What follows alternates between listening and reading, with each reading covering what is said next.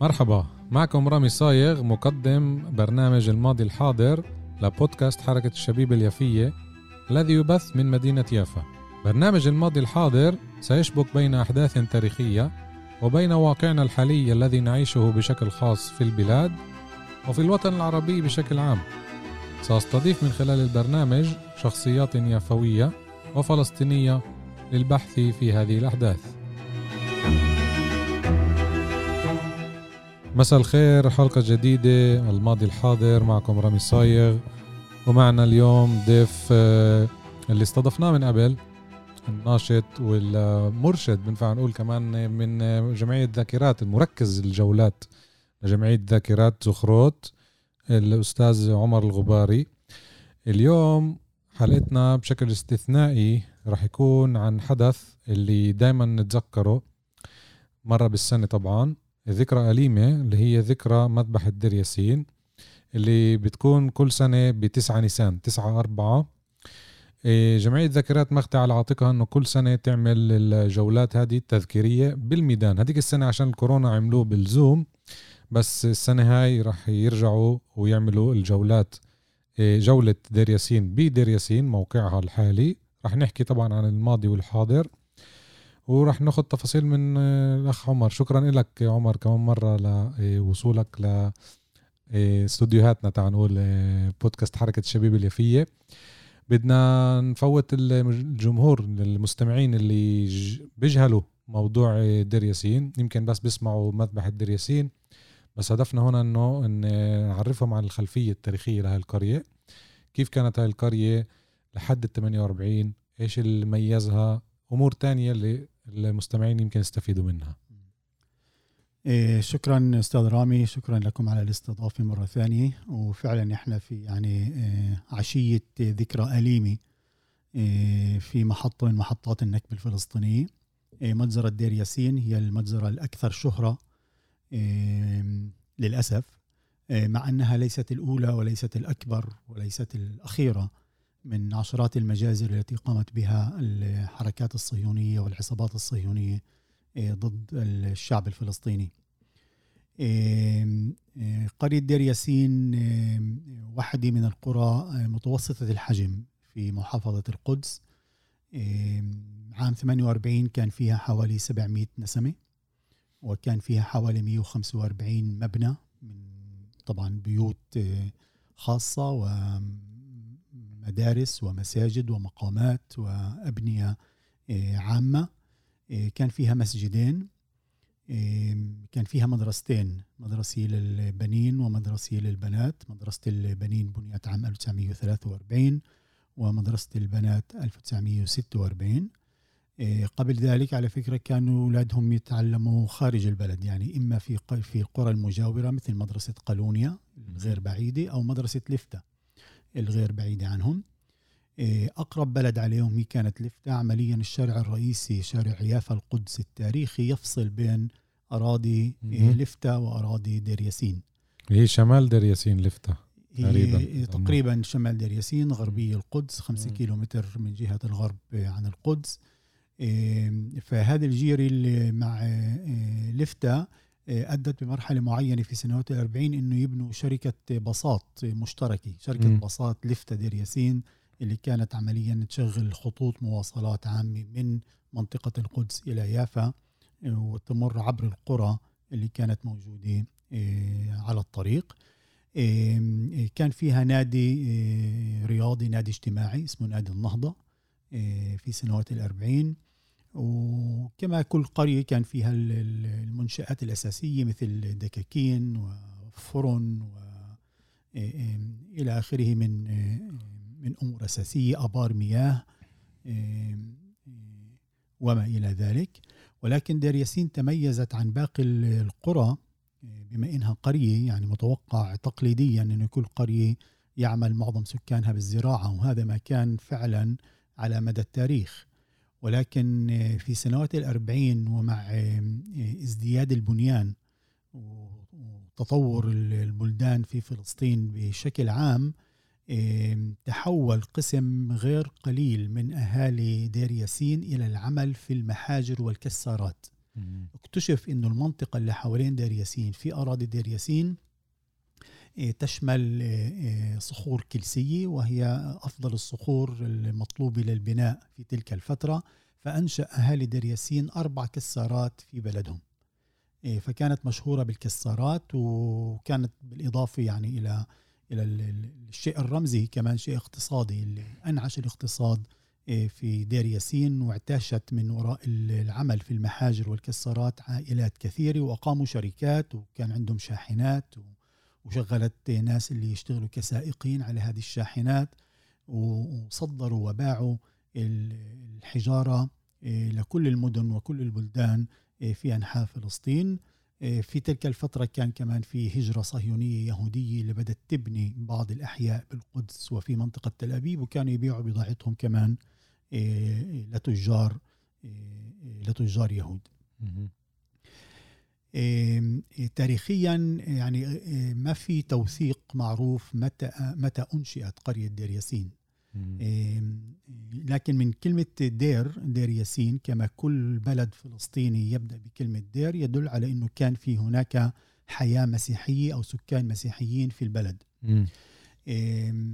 في دير ياسين لا نعلم إن كان هذا الدير أو الهوية المسيحية للمكان موجودة في الفترة البيزنطية أو ربما تكون في فترة متأخرة أكثر. يقال ذكر في بعض المصادر بأن راهب آه، بنى آه، دير في منطقة دير ياسين يعني في منطقة قريبة جدا من مما نعرف اليوم قرية دير ياسين ويبدو أن هذا الحدث كان في القرن الثاني عشر. يعني في فترات أيوبية. فترة أيوبية آه، نسبيا حديثة يعني إذا نقارن بالفترات البيزنطية الكثير من القرى الفلسطينية كانت قائمة كقرى مسيحية في الفترة البيزنطية. فيبدو من هون أنه أجى اسم آه، آه، قرية دير ياسين وابتدأت بالدير ويقال أنه اسمها الأول كان دير النصر. وفي فترة لاحقة تغير اسمها إلى ياسين نسبة إلى شيخ اسمه ياسين. يبدو أنه سكن في البلد وكان آه، ذا أهمية لدرجة أنه غيروا اسم البلد من دير النصر إلى آه، دير ياسين. وقبل دير النصر آه، يقال أنه كان اسم المنطقة وادي التوت اللي فعلا هي منطقة قريبة من دير ياسين حوالي 500 متر باتجاه الغرب من دير ياسين. وما زالت هناك آثار وصهاريج ومدافن موجودة كآثار قديمة. فيبدو أن النواة لقرية دير ياسين كانت هناك في منطقة اللي اسمها وادي التوت ثم انتقلت إلى الموقع الحالي اللي بنعرفه آه، ليس بعيدا عن ذاك المكان وتطورت واتسعت البلد في حتى عام 48 عمليا حيث بترت الحياة الفلسطينية فيها في 9 نيسان 1948 هل في مقام للشيخ ياسين؟ المقام آه، مهدوم. كما يبدو يعني بعد الاحتلال غالبية بيوت القرية تم هدمها والمباني المساجد والمقام ما زال بعض البيوت في مركز البلد يعني القسم الأقدم من البلد ما زال موجود ولكنه مغلق لأنه مشمول اليوم في مستشفى للأمراض النفسية المسمى كفار شاول إيه، فيعني لا يمكن الوصول بشكل سهل إلى داخل هذه البيوت لكنها مغلقة. فقط يعني من له أي شأن أو عمل داخل المستشفى ممكن إنه يشاهد هذه البيوت. ولكن إحنا حصلنا على صور من الداخل إيه، لهذه المنازل والمنازل الفلسطينية ما زالت يعني موجودة كما كانت. طبعا هناك إضافات إسرائيلية توسع المشفى خلال السنوات ولكن المنازل الفلسطينية ما زالت موجودة ويمكن التخيل يعني آه، أي عقلية هذه اللي ممكن تعطي لنزلاء عندهم مشاكل نفسية ومشاكل عقلية أن يسكنوا في بيت اللي حصلت فيه مجزرة وحصلت فيه مذبحة اللي بحد ذاتها تعقد نفسيا يعني. فتخيل أنه هذا هذه هذا التناقض اللي ممكن الفكر الصهيوني والعقلية المرضية ممكن نسميها الإسرائيلية أنها تنشئ إيه، مشفى من هذا القبيل على مكان اللي مليء بالدماء ومليء بشبح الموت بطريقة مقرفة وطريقة مقيتة وطريقة يعني فقط شرسة. شرسة إلى هذه الدرجة. يمكن مش صدفة عملوا لهيك مجموعات لأنهم مش بالوعي فبغطوا على جريمتهم. إيه على سيرة القرية نفسها هل كان في حمائل؟ العائلات كان مشهور فيها هذا الطابع زي القرى الفلسطينية الثانية؟ إيه نعم طبعا. يعني كان في هناك إيه عدة إيه حمائل. بشكل تقليدي نعم المبنى تبع البلد. يعني آه مبني بشكل حمائلي إحنا ممكن نذكر يعني في حمائل كبيرة وفي منها يعني تفرعت عائلات اللي برضو عرفت باسم هال مع إنها قليلة يعني 700 نسمة. إيه ومع ذلك نعم م. كان في هناك حمولة عقل م. وحمولة جابر وحمولة حميدي وحمولة عيد حمولة شحادي حمولة مصلح. فيعني كان هناك يعني ست حمائل. ست حمائل كبيرة وطبعا كانت هناك كمان عائلات أصغر وعائلات آه، وبيوت آه، أصغر اللي يعني كمان بشكل معروف بقرى فلسطينية. هناك الحمائل الرئيسية والمركزية في البلد ولكن كانت تنضم للقرية عبر التاريخ وعبر السنوات عائلات اللي هي أصغر اللي لا تعتبر واحدة من الحمائل الكبيره. إيه بالجولة اللي عملتها اللي عملتوها بالسنتين أو ثلاثة كنت فيها انتبهت انه الأرض طبعا هناك مش سهلة لأنه هذا جبال. نعم. هل كان في فرع زراعي بالقرية غير الكسرات اللي حكيت عنها؟ كان في يعني زراعة متواصلة؟ هو فعلا البلد يعني على تلة حتى على قمة تلة ترتفع عن سطح البحر حوالي 800 متر. يعني ارتفاع م. مش بسيط. وواحدة من جبال القدس بطبيعة الحال. إيه، أراضيها الزراعية يعني لما ذكرت في البداية إنها قرية متوسطة متوسطة الحجم ليس فقط بعدد السكان كمان بمساحة الأراضي. صح. مقارنة بقرى فلسطينية أخرى نسبيا أراضيها كانت قليلة يعني 2700 دنم 2700 دنم اللي هي فعلا مساحة قليلة. في هناك يعني جزء بسيط اللي هي أراضي ممكن نوصفها بأنها سهلية على على التلة ولكن أغلب الأراضي هي أراضي جبلية وكانت يعني على شكل الزراعة التقليدية في سلاسل في المدرجات اللي م. كانت تبنى آه، على سفوح الجبال ومن منها كان آه، هناك كانت الزراعة الرئيسية لاهالي دير ياسين. أما ما كان عندهم سهول بمعنى سهول واسعة. إيه ننتقل للموضوع الأساسي اللي هو المجزرة. زي ما قلت بالمقدمة المجزرة تقريبا الكل سمع دير ياسين سمع مجزرة دير ياسين. وزي ما انت قلت وهذا مهم إنه مش هي المجزرة الرئيسية وفي كتير أكبر منها. بس بما إنه صار في صدى كمان بالإعلام اليهودي الاسرائيلي الصهيوني إيش ما بدنا نسميه إيه لليوم بيبحثوا فيها. طبعا ما بتعتذرش دولة الاحتلال ولا مرة بتعتذر لأسبابها المعروفة. بس يمكن أخذت آه، المجزرة هاي آه، أهمية عشان صار في ضجة إعلامية بداخل الكيان نفسه الصهيوني. إيش نقدر نحكي عن المجزرة من زاويتنا إحنا؟ الحقيقة طبعا إيش إيش صار ب 9 4 1948 نعم وعلى فكرة كان يوم جمعة يعني السنة بالضبط آه، زي السنة. 73 سنة للمجزرة. مم. كانت ستكون يوم الجمعة 9 نيسان. هكذا كان الموعد كمان في 1948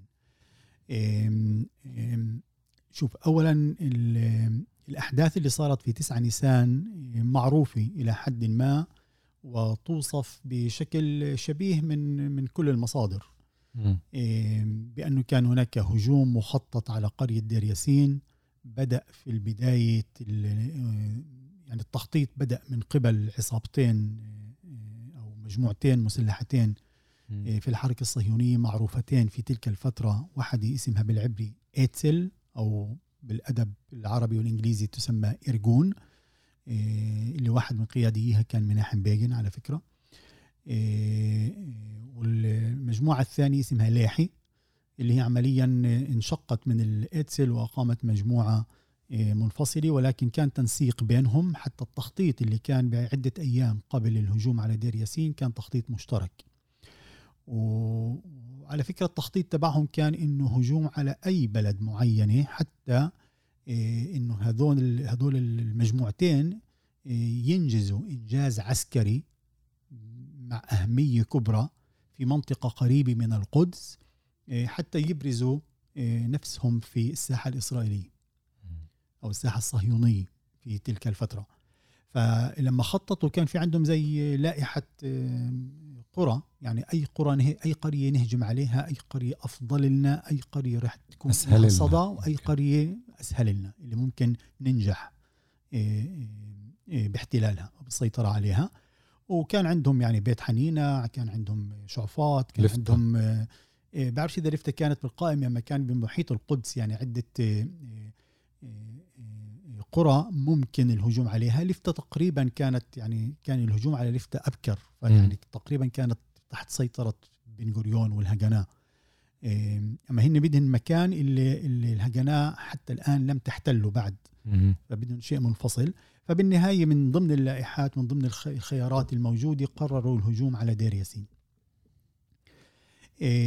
دير ياسين كباقي القرى الفلسطينية في تلك الفترة يعني يمكن إذا كان في شباب من دير ياسين شاركوا بثورة فلسطينية أو باستعدادات فلسطينية كانت كباقي القرى خارج القرية على الشوارع الرئيسية أو قسم من الشباب من الشباب من القرية انضموا للقوات اللي حاول يجمعها عبد القادر الحسيني في منطقة القدس.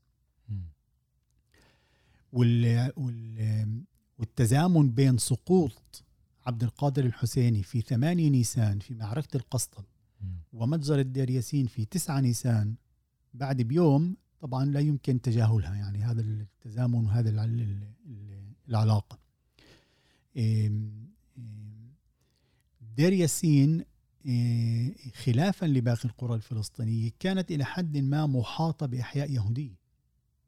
فما كان عندهم كثير من من الحرية بالحركة أو بال بالثورة أو تنظيم. بالتنظيم أو بالاستعداد للدفاع عن البلد فما كان أمامهم إلا خيار توقيع اتفاقية هدنه أو عدم اعتداء مع الأحياء اليهوديه المجاوره وأقرب حي عليهم وأهم حي بالنسبة لهم اللي من خلاله آه، أهالي دير ياسين كانوا يمروا كل يوم حتى يوصلوا القدس هو حي اسمه جبعات شاول جبعة شاول هو حي يهودي أقيم 1906 وكانوا جيران لدير إلى أهالي دير ياسين على مدى 30 عام.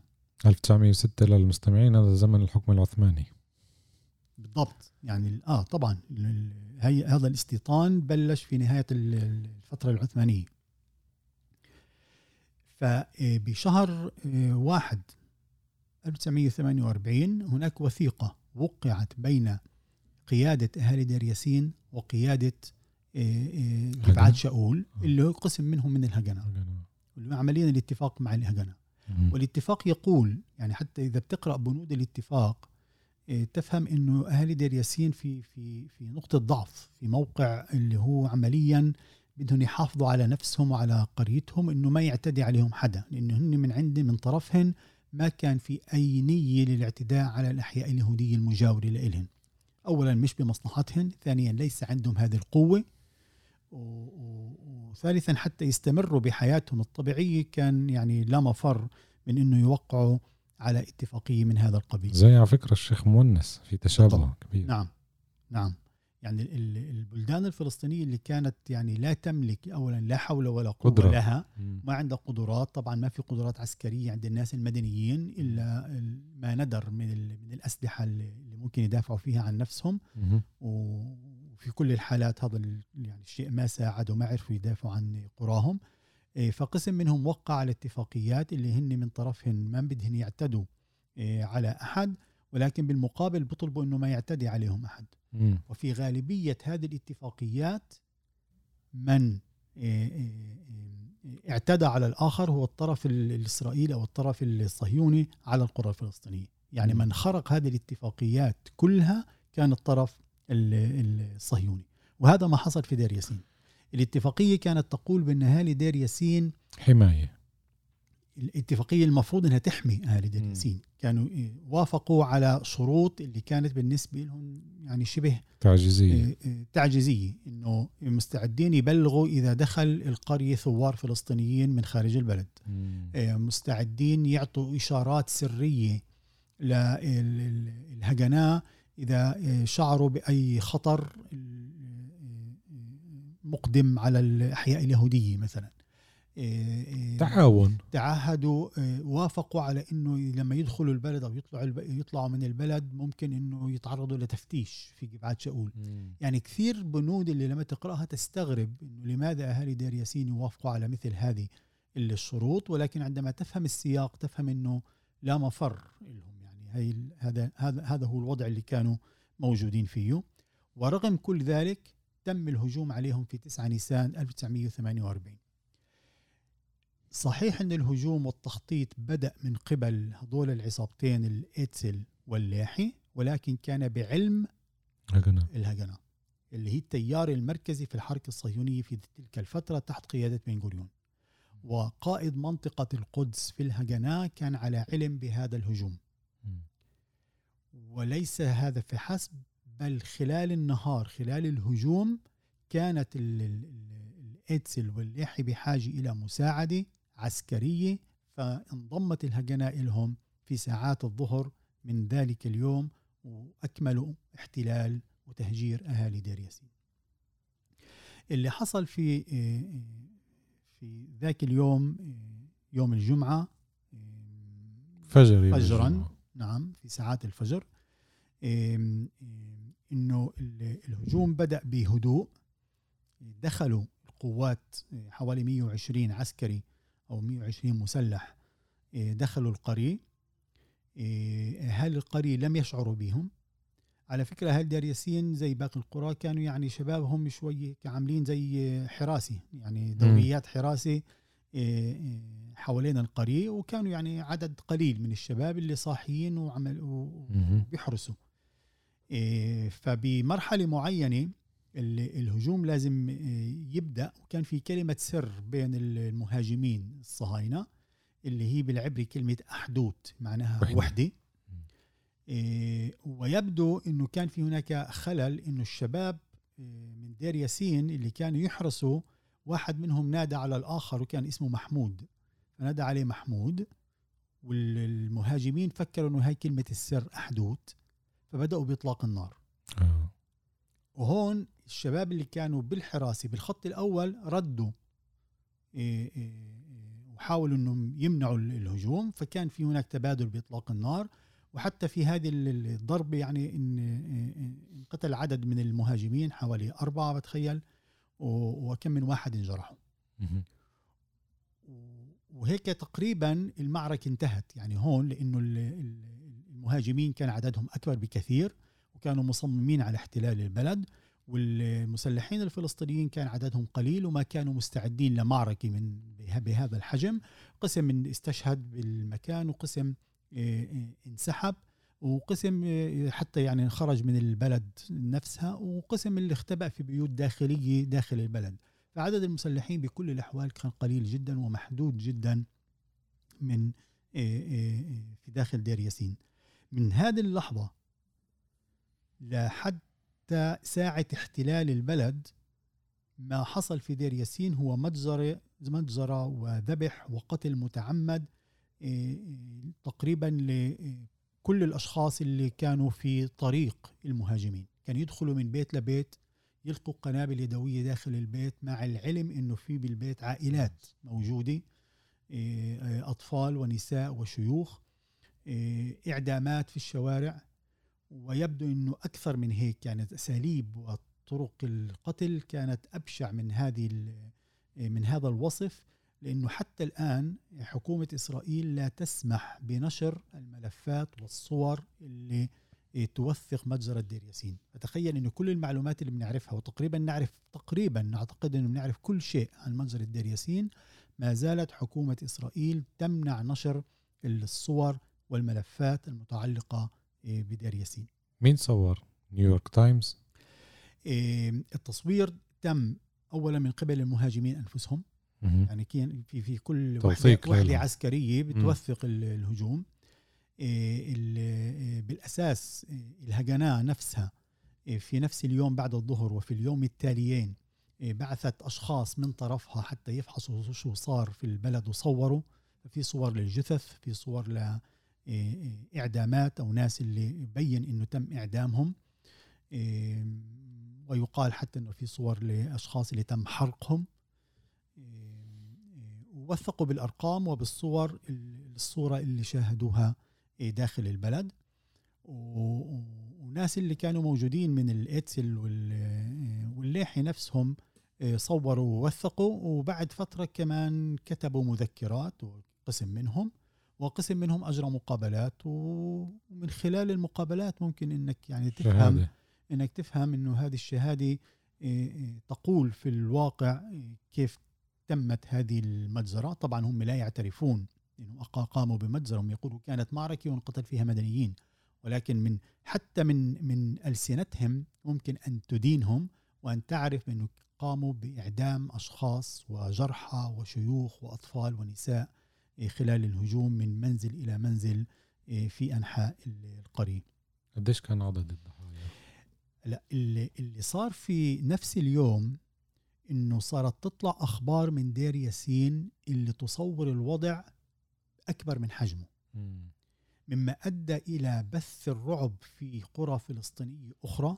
ومن ضمنها لفتة اللي كانت قريبة وما زال فيها بعض العائلات اللي ما زالت موجودة أو بعض الشباب اللي بيحاولوا حاولوا يحرسوا البيوت في لفتة لأنه أغلب العائلات كانت صارت يعني مهجرة لأنه لفتة, لفتة زي ما ذكرت قبل تم الهجوم عليها أبكر يعني في شهر 12 47 شهر 1 48 وغالبية العائلات كانت خارجة من البلد يعني شبه شبه مهجرة. شبه فارغ البلد ما عدا عدد قليل من السكان لما سمعوا في بما حصل بدير ياسين قالوا لن ننتظر المجزرة تبعتنا فانسحبوا من البلد مباشرة وبعدين ال ال ال الأثر صدى والصدى لمجزرة دير ياسين فعلا كان له يعني كبير الأثر وال وصل ليافا. النتيجة وصل ليافا وصل للجليل مم. مقابلات مع لاجئين ومع مهجرين في الجليل الأعلى مم.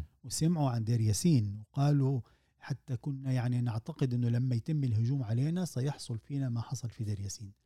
في تلك الفترة الأخبار اللي كانت تأتي عن دير ياسين زي ما قلت هي أكبر من حجمها ولسببين.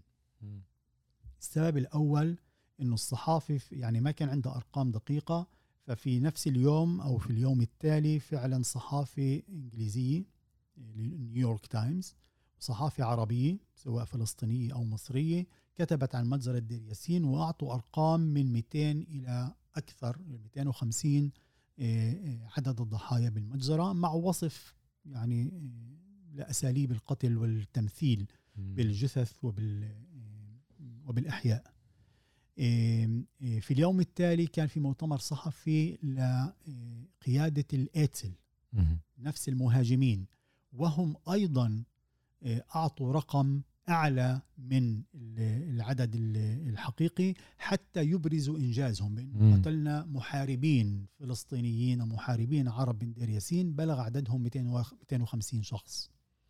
فالصحافي كلها بما في ذلك الفلسطينية أخذت رقم 250 وتخيل رقم 250 من قرية اللي فيها 700. عدد سكان 700 ويمكن. في نفس اليوم كانوا 600 شخص اللي بالبلد تقريباً إيه، النص. فهذا تقريبا يعني 50 40% 50% من عدد السكان هذا رقم رهيب ولكن في الواقع بعد فترة أهالي دير ياسين وباحثين فلسطينيين آخرين منهم وليد الخالدي وشريف كناعني ولاجئين فلسطينيين عملنا مقابلة مع أبو محمود من عائلة رضوان اللي عمليا حامل ورقة وبخط إيده كتب أسماء كل الضحايا اللي كانوا اللي سقطوا في دير ياسين والحديث عن حوالي 115 116 شخص اللي تم إيه، إعدامهم وذبحهم في دير ياسين. منهم من 10 إلى 15 شخص كانوا شباب اللي حاملين سلاح قاتلين. والباقيين كلهم مدنيين. مدنيين. وهناك كمان اجيال يعني أعمار ال ال الضحايا وراح يعني تشوف ناس أطفال بعمر أشهر وشيوخ ونساء من بعمر 80 و90 سنة. في كمان حدث أكيد رح تذكره هو الاهانه لأهل البلد. إيش هو هذا الحدث؟ يعني من جهة دير ياسين كان فيها مجزرة ومجزرة بشعة وهذا بحد ذاته حدث يعني مؤلم وفعلا يعني وجريمة ضد الإنسانية وجريمة حرب. ولكن لا ننسى إنه تم السيطرة على دير ياسين خلال نهار واحد. تهجير كل الباقين يعني من نجا من المجزرة تم تهجيره تطهير عرقي كامل مية بالمية ما تبقى ولا أي إنسان فلسطيني في دير ياسين في ذلك اليوم. حتى آخر النهار الساعة أربعة أو ستة مساء إيه، كل شيء في دير ياسين اختفى. يعني بلد عايشة مئات السنين وفجأة تختفي. عدد من الناجين والناجيات خاصة أطفال ونساء اللي ظلوا بالبلد تم جمعهم في ساحة مركزية في البلد. فأحضر الجنود الصهاينة شاحنات حملهم على شاحنات وعمل جولة نصر بين قوسين في أحياء القدس اليهودية. اللي هي كمان جبعة شاول اللي قسم قسم منها جبعة شاول وكمان لا ننسى إنه في أحياء فلسطينية بالقدس اللي صارت تسمى القدس الغربية صارت محتلة ومهجرة الطلبيه والكتمون هي هي هي بشهر اثنين وبشهر ثلاث تم احتلالها وتهجيرها. آه. وإحنا هسه في شهر أربعة شهر نيسان. يعني كان قسم غير بسيط من القرى من الأحياء الفلسطينية صارت مهجرة. ولكن كان في أحياء يهودية بالقدس موجودة من قبل ال 48 يعني واحدة منهن جبعة شاول بس كان في نحلة أوت وكان في آه، آه، آه، روميما وكان في تلبيوت. المنطقة المركزية تلبيوت وكان في المنطقة يعني شارع يافا كان في هناك كمان تجمعات يهودية. عائلات يهودية ساكنة والفلسطينيين صاروا مهجرين. فالموكب اللي عملوه اللي عمليا بتشوف فيه أطفال ونساء إيه، إيه، واقفين في شاحنات مكشوفة على فكرة. والموكب بمر بالأحياء أو بالشوارع اللي ساكنين فيها يهود والسكان اليهود واقفين على طرفي الشارع ويصفقون ويبصقون ويهللون ويرمون الحجارة أو أغراض على الشاحنات. عمليا يمجدون هذا الإنجاز وهذا ما يسمونه إيه، بالنصر. إيه، في دير ياسين. نعم هذا كان مسار وموكب إهاني إيه، من دير ياسين مرورا بالأحياء اليهودية في القدس حتى باب الخليل وهناك عمليا ألقوا رموا كل هذول اللاجئين من خاصة من نساء وأطفال في باب قريب من باب الخليل عند القدس القديمة ومن هناك أعطوهم الأمر بأنه يرحلوا بهذاك الاتجاه وما ترجعوا على دير ياسين. وهيك تم تطهير دير ياسين عرقيا بشكل تام وهدول الناس يعني أطلقوا وألقوا لمستقبل غير غير معروف. مجهول أكيد. قسم منهم صار يعني يدور على ملجأ يلجأ له يلجأ له قسم صار يدور على باقي أفراد العائلة وين ممكن يلاقيهم ويحتمي في مكان ما. فأهالي القدس الفلسطينيين سواء في القدس في البلد القديمة أهالي سلوان إيه، شيخ جراح. إيه، قسم من الشيخ جراح ولكن بالأساس يعني أهالي سلوان احتضنوا عائلات دير ياسين وأعطوهم مأوى وأعطوهم بيوت بشكل مؤقت في تلك الفترة. هناك قصة يعني مؤثرة جدا ومثيرة جدا في التاريخ الفلسطيني تاريخ النكبة الفلسطينية. إنه كان في أيتام من دير ياسين إيه، أكثر من 30 طفل اللي عمليا تاهوا عن أهاليهم تاهوا عن عائلاتهم.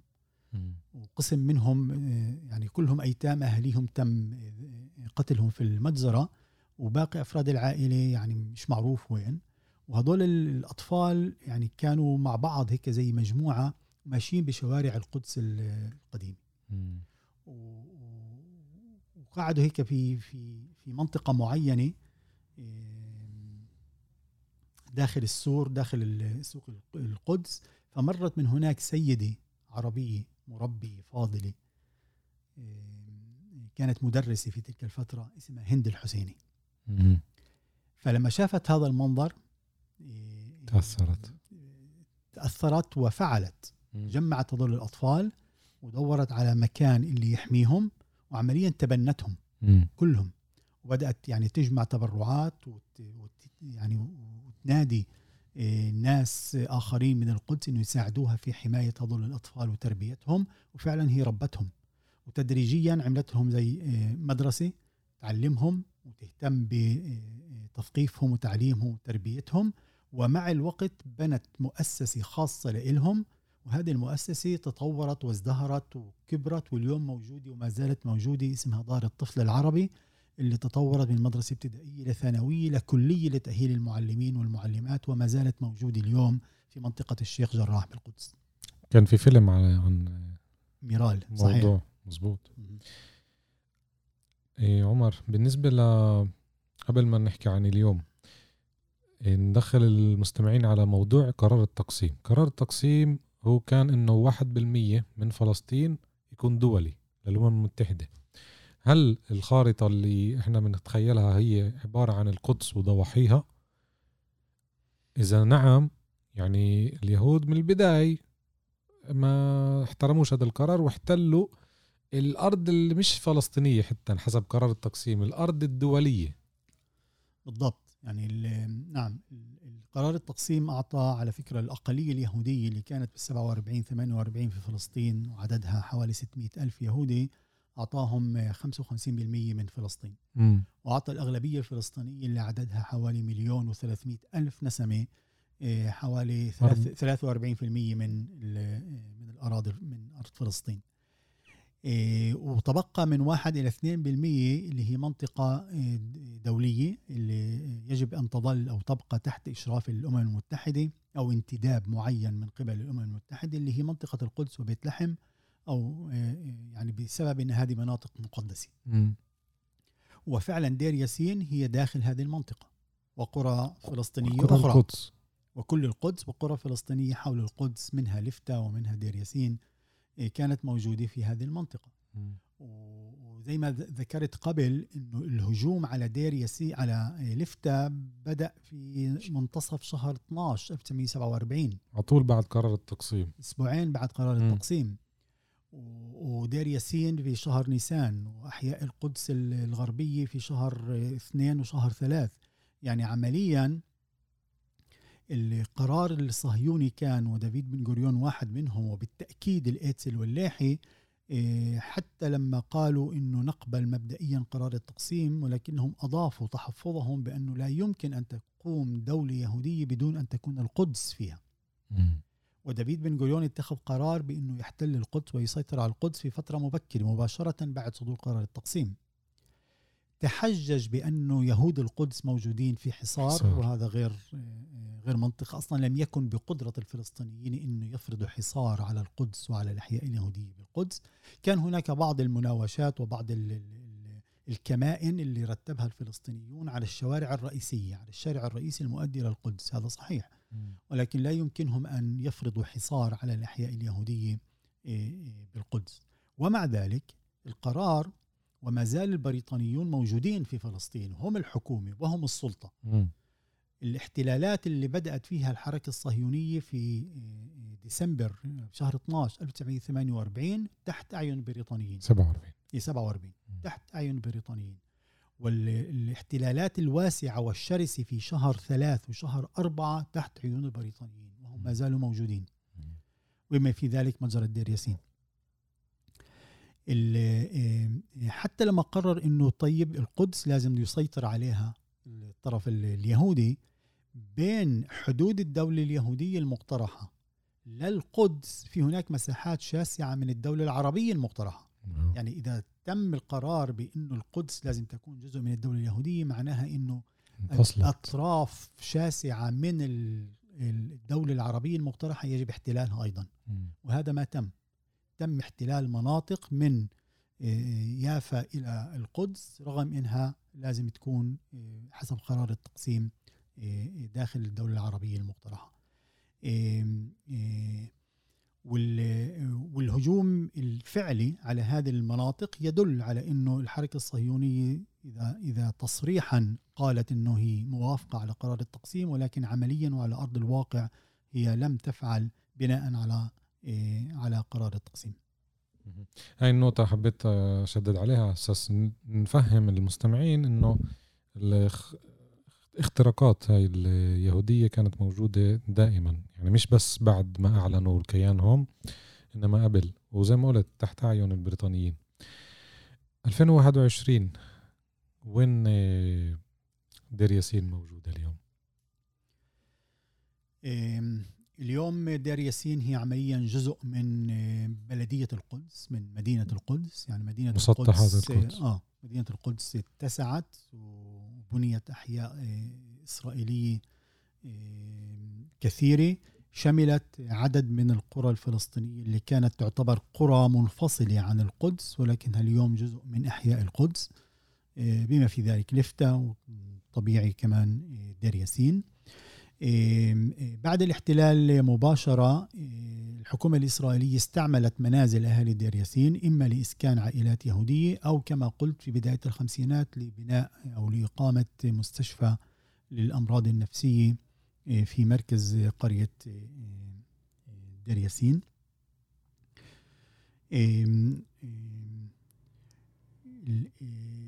في حي يهودي إسرائيلي جديد نسبيا اللي يعتبر استمرار لحي جفعات شاول اللي ذكرناه قبل اللي كان موجود من عام 1906 فبنوا آه، حي جديد سموه جفعات شاول با اللي هو تكملة أو استمرار لجفعات شاول ألف.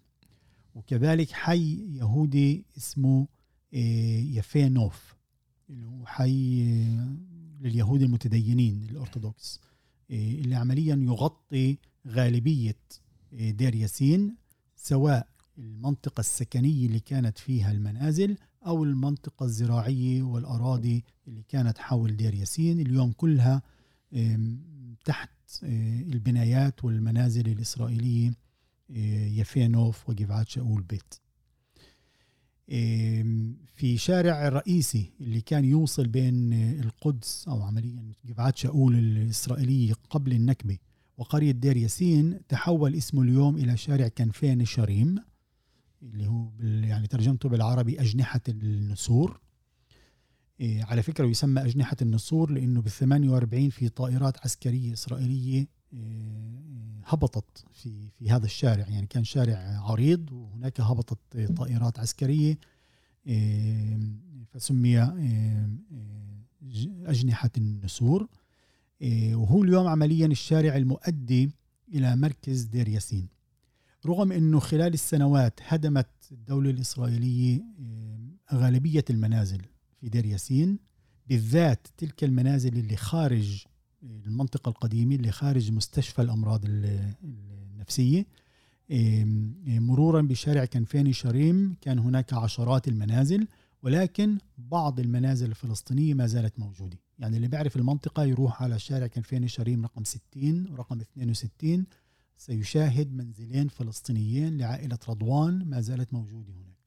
وساكنينها يهود طبعا. ومستعملة من قبل يهود إما عائلات سكنتها بفترات معينة أو شركات اللي مستأجرتها آه، آه، حاليا يعني هي مستأجرة من قبل شركات.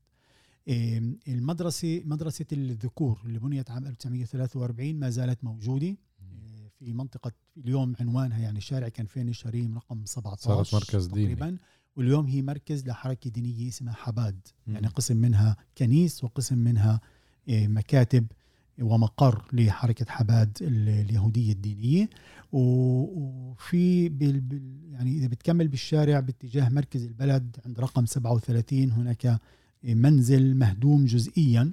هذا المنزل كان تابع لعائلة آه، زهران. آه، من حمولة عقل ما زال قائم. وهناك في أطراف البلد أنحاء البلد بعض المنازل اللي كانت موجودة ولكن بين العمارات الشاهقة الإسرائيلية اللي عمليا حولت شارع كنفين شريم لجزء من حي يفين نوف ولكنه بأغلبه كمان هو مراكز تجارية ومكاتب ومكاتب حكومية بما في ذلك مكاتب تابعة للحكومة الإسرائيلية لوزارات معينة.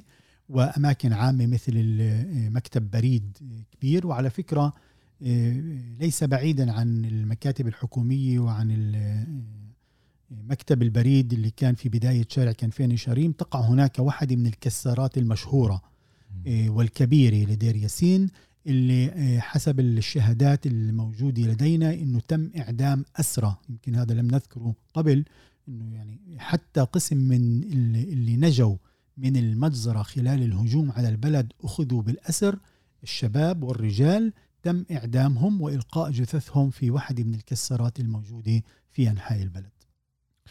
وهاي اللي بيشوفوها من متحفهم متحف الكارثة. موقع دير ياسين عمليا مقابل لموقع آه، جبل الشرفي بالاسم العربي اللي اليوم موجود عليه جبل هرتسل. م. شوف الاسم كمان جبل هرتسل. اللي آه، قسم منه مقبرة عسكرية وقسم منه هناك متحف الهولوكوست متحف المحرقة اليهودية المسمى ياد فاشيم في الجولة اللي بتعملها المجموعات في ياد فاشيم وبتعلموا عن الكارثة وعن المحرقة اليهودية وعن النازية في نهاية المسار بيخرجوا عمليا إلى شرفة من م. المتحف وهذه الشرفة يعني تطل. تشرف وتطل على موقع دير ياسين يعني لو كان هناك قليل من الضمير وقليل من من النزاهة إيه إنه إيه إنه هاي المجموعات تعرف إنه في التل المقابل كان في هناك مجزرة وإعدامات وتطهير عرقي. المفروض إنه تذكر هذه يعني المعلومة ولكن كما نعلم وبشكل غير مفاجئ إنه يد فاشيم المتحف كمتحف لا يذكر هذه المعلومة. على فكرة أنا يعني نعرف شخص واحد من المرشدين اللي كان في يد فاشيم إيه، ذكر؟ تحرك ضميره وذكر لإحدى المجموعات إنه هناك كان في مجزرة وكان في ظلم ضد الإنسانية وضد بشر وتم طرده من متحف يد بشام لأنه ذكر هاي المعلومة. أكيد هذه موضوع الضحية خلص معروفة بدهم هم يكونوا بس الضحية هذا للأسف. آخر إشي أستاذ عمر أهالي دير ياسين وين موجودين اليوم؟ يعني اليوم بعد سبعة بعد 73 عام من التهجير ومن النكبة كباقي القرى الفلسطينية غالبية الناس إيه مشتتة في أصقاع الأرض يعني ممكن في كل مكان تجدهم. إيه، بالبداية إيه، عدد من العائلات لجأ إلى منطقة القدس إيه، ففي عدد يعني محدود من عائلات دير ياسين ساكن داخل البلد القديمة اللي ذكرته أبو محمود رحمة الله عليه توفي قبل سنتين بتخيل؟ أو ثلاث. ساكن داخل القدس القديمة في البلد القديمة وهناك عدد محدود من العائلات ساكن في منطقة سلوان. أغلب الباقيين موجودين في منطقة الضفة الغربية مخيمات لاجئين؟ إيه، قسم في مخيمات لاجئين وقسم في منطقة العيزرية وأبو ديس. هناك في يعني عدد لا بأس به من عائلات من العائلات الياسينية. قسم من العائلات تحول اسم العائلة الياسيني معروف الياسيني. يعني لما رحت دور على أبو محمود في البلد بسأل وين أبو محمود؟ فبقولوا أبو محمود الياسيني. هيك أهل آه، دير ياسين معروفين في المناطق اللي هجروا. إليها وقسم موجود في الأردن كمان يعني بشكل شبه طبيعي إنه عدد من اللاجئين اللي وسط الضفة الغربية في اللي مرقوا النكبة والنكسة للأسف. النكبة والنكسة وقسم منهم طلبا للرزق يعني وبحث عن أماكن عمل أو أماكن سكن جديد ينتقل كمان للأردن. قبل ما ننهي نذكر المستمعين حلقتنا اليوم قلنا بشكل استثنائي استثنائي آه، قبل جولة آه، ذاكرات جمعية ذاكرات اللي آه، عمر الغباري ومركز الجولات الميدانية الجولة رح تكون يوم الجمعة القريب 9 4 الساعة 11 ونص نعم. في تفاصيل بنفع تضيفها؟ إيه نعم البداية يعني الملتقى في البداية الساعة 11 ونص في الشارع الرئيسي اللي ذكرته شارع كنفين شريم رقم 13 إيه هناك بنبدأ عمليا المقدمة والشرح عن تاريخ البلد وبعدين بيكون في مسار من هذه النقطة على طول الشارع الرئيسي اللي هو المدخل الرئيسي لدير ياسين إلى منطقة المستشفى للأمراض النفسية كفار شاول واللي كان عمليا مركز دير ياسين مرورا بالمقبرة اللي بعض قبورها ما زال موجود ولكن أغلبه مكسر وتم هدمه. مرورا ببعض المنازل الموجودة وبنحكي عن كل بيت وعن كل موقع أحداث معينة من المجزرة. والجولة يعني مفتوحة الكل مدعو وتستمر حوالي ساعتين. وإحنا يعني هذا هذا الحدث اللي بنحييه كل سنة في ذكرى المجزرة يمكن هذه السنة العشرين تقريبا اللي نحيي هذه الذكرى. من جهة حتى نتذكر الجريمة والألم اللي كان في الأحداث عام 48 ولكن من جهة أخرى حتى نبث الأمل ونقول بأنه يعني دير ياسين لو لم تهجر ولولا النكبة لكان اليوم في هناك قرية لطيفة بلدة لطيفة فيها حوالي 7000 نسمة.